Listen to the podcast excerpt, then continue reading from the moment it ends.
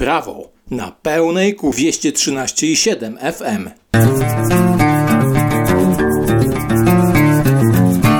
Minęła godzina 20, w związku z czym w radiu Prawo na Pełnej czas na audycje karne, materialne. To poprowadzony z przymrużeniem oka kurs prawa karnego materialnego, w którym ja mam nadzieję przekazuję Wam coś interesującego, a Wy mam nadzieję słuchacie tego i subskrybujecie mój kanał. Dzisiaj zajmujemy się zupełnie nowym działem kodeksu karnego, czyli karami jako podstawą reakcji prawnej na popełnienie przez sprawcę czynu zabronionego. Zaczynamy. Kara to jeden z najstarszych elementów prawa. Już w starożytności zastanawiano się nad jej istotą, musiała więc powstać dużo wcześniej. Istnieją trzy podstawowe grupy teorii zajmujących się karami. Teorie retrybutywne, inaczej absolutne lub bezwzględne, stanowią, że kara to odpłata za przestępstwo. Kara związana jest z przeszłością, czyli stanowi wyłącznie reakcję na czyn dokonany w tej przeszłości. Teorie te przeżywają obecnie swój renesans, zwłaszcza w Stanach Zjednoczonych. Teorie prewencyjne, inaczej utylitarne lub względne, stwierdzają, że kara ma przynieść określone korzyści społeczne, ma być instrumentem prewencji, a zatem jest nastawiona na działanie w przyszłości. Takie nastawienie umożliwia, zwłaszcza w kontekście prewencji indywidualnej, badanie skutków kary.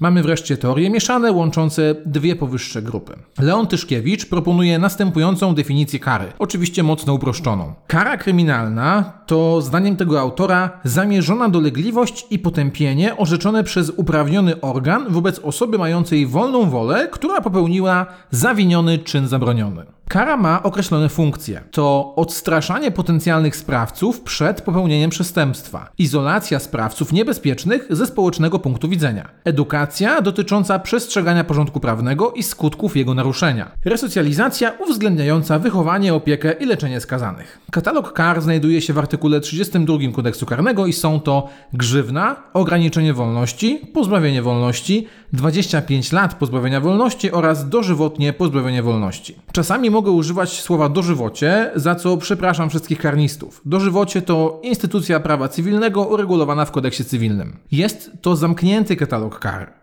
Obok nich w polskim prawie funkcjonują kary dyscyplinarne, kary administracyjne i sankcje dla podmiotów zbiorowych, ale nie są to kary kryminalne. Obok kar funkcjonuje także kilka innych rodzajów represji w prawie karnym materialnym, którymi zajmiemy się w przyszłości. Grzywna to formalnie najłagodniejsza z dostępnych kar. Nazywana jest także najlepszą karą dla osób bogatych polega na zobowiązaniu skazanego do zapłaty na rzecz Skarbu Państwa określonej kwoty pieniężnej. Realnie sąd nie jest w stanie sprawdzić, czy to z pieniędzy skazanego zapłacono grzywnę, w związku z czym jej skuteczność w procesie resocjalizacji poddawana jest czasami krytyce. Dwa systemy wymierzania grzywny w polskim prawie to system stawek dziennych i system kwotowy. System stawek dziennych stosowany jest do grzywny w kodeksie karnym oraz w tych ustawach, gdzie nie określa się grzywny kwotowo. W tym systemie najpierw ustala się liczbę stawek dziennych. Standardowy przedział to od 10 do 540, ale niektóre przepisy zwiększają górną granicę. Im cięższa ma być kara, tym więcej stawek się ustala. Na tym etapie jeszcze sąd nie patrzy na dochody sprawcy. Następnie ustala się wysokość jednej stawki od 10 do 2000 zł. Tutaj dopiero uwzględnia się sytuację sprawcy, jego dochody i wydatki, na przykład na utrzymanie rodziny. Wysokość grzywny to wynik przemnożenia liczby stawek dziennych przez wysokość jednej stawki. Jeśli sąd orzeka grzywnę w wymiarze 200 stawek dziennych po 30 zł każda,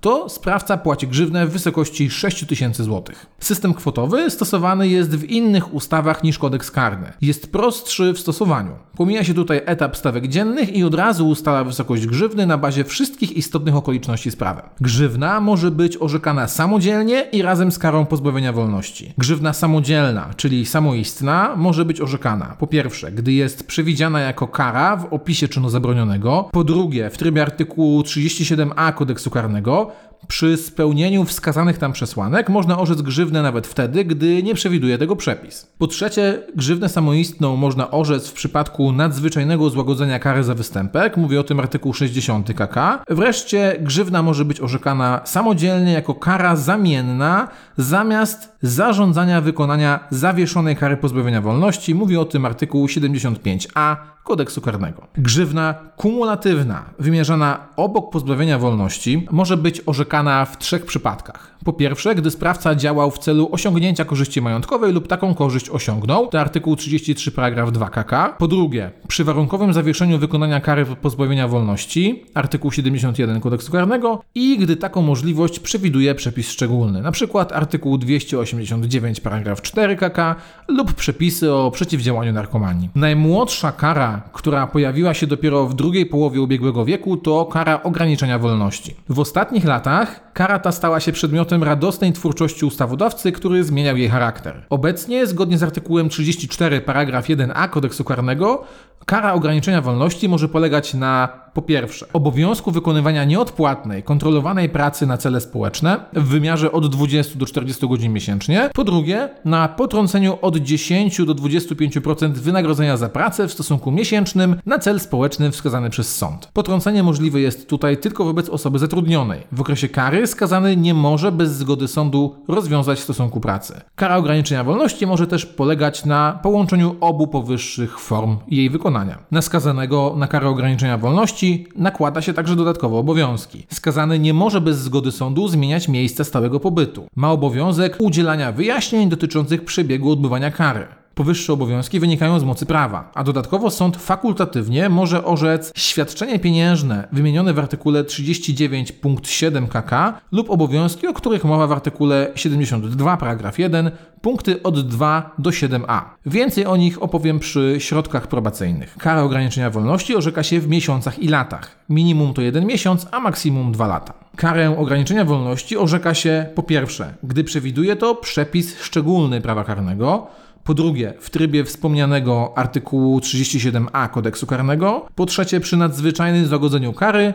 I po czwarte, przy karze sekwencyjnej z artykułu 37b kodeksu karnego, o której powiem więcej w tej audycji. Pozbawienie wolności to najsurowsza kara, tak zwana kara izolacyjna. Nazywana jest także terminową karą pozbawienia wolności. Odbywana jest w zakładzie karnym lub areszcie śledczym. Ma następujące cele. Po pierwsze, izolacja skazanego w celu ochrony społeczeństwa. A po drugie, wychowanie skazanego i uświadomienie mu, że nie powinien naruszać porządku prawnego.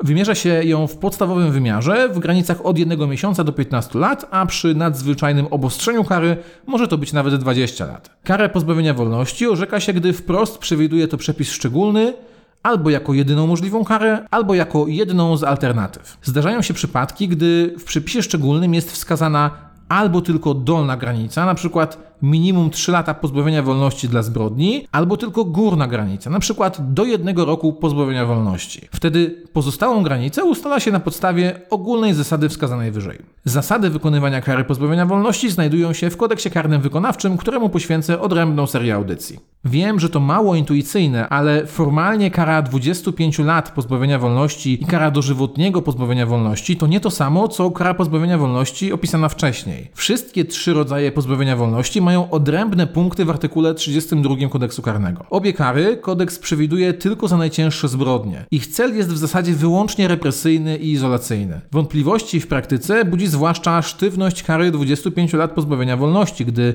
w jednym procesie trzeba wymierzyć kary kilku współsprawcom. Dożywotnie pozbawienie wolności może być skrócone po 25 latach w drodze warunkowego przedterminowego zwolnienia. Tylko to daje sprawcy nadzieję, że jeszcze opuści zakład karny. W innym przypadku może się w zasadzie czuć bezkarnie w więzieniu, bo polskie prawo nie przewiduje surowszej kary. Kara sekwencyjna, choć w zasadzie powinno się mówić o sekwencyjnym orzeczeniu kar, została wprowadzona w artykule 37b nowelizacją z 2015 roku. Polega na orzeczeniu krótkiej kary pozbawienia wolności, a następnie dłuższej kary ograniczenia wolności. Karę sekwencyjną można stosować w każdej sprawie o występek. Rozmiar kary sekwencyjnej zależy od ustawowego zagrożenia przestępstwa. Jeśli górna granica jest niższa niż 10 lat pozbawienia wolności, sąd może orzec przy karze sekwencyjnej pozbawienie wolności do 3 miesięcy, a jeśli wynosi co najmniej 10 lat, Pozbawienie wolności orzeka się na okres 6 miesięcy. Nie można warunkowo zawiesić tej kary, ale można wykonać ją w systemie dozoru elektronicznego. Karę ograniczenia wolności orzeka się natomiast zgodnie z ogólnymi przepisami do 2 lat. Najpierw wykonuje się karę pozbawienia wolności, a dopiero później karę ograniczenia wolności, chyba że przepis szczególnie stanowi inaczej. To tyle na dzisiaj. Mam nadzieję, że ten temat był dosyć przyjemny w porównaniu z poprzednim. W następnej audycji zajmiemy się środkami karnymi i podejrzewam, że będzie to dość długa audycja. Zapraszam na moją stronę lexmanual.pl i do usłyszenia.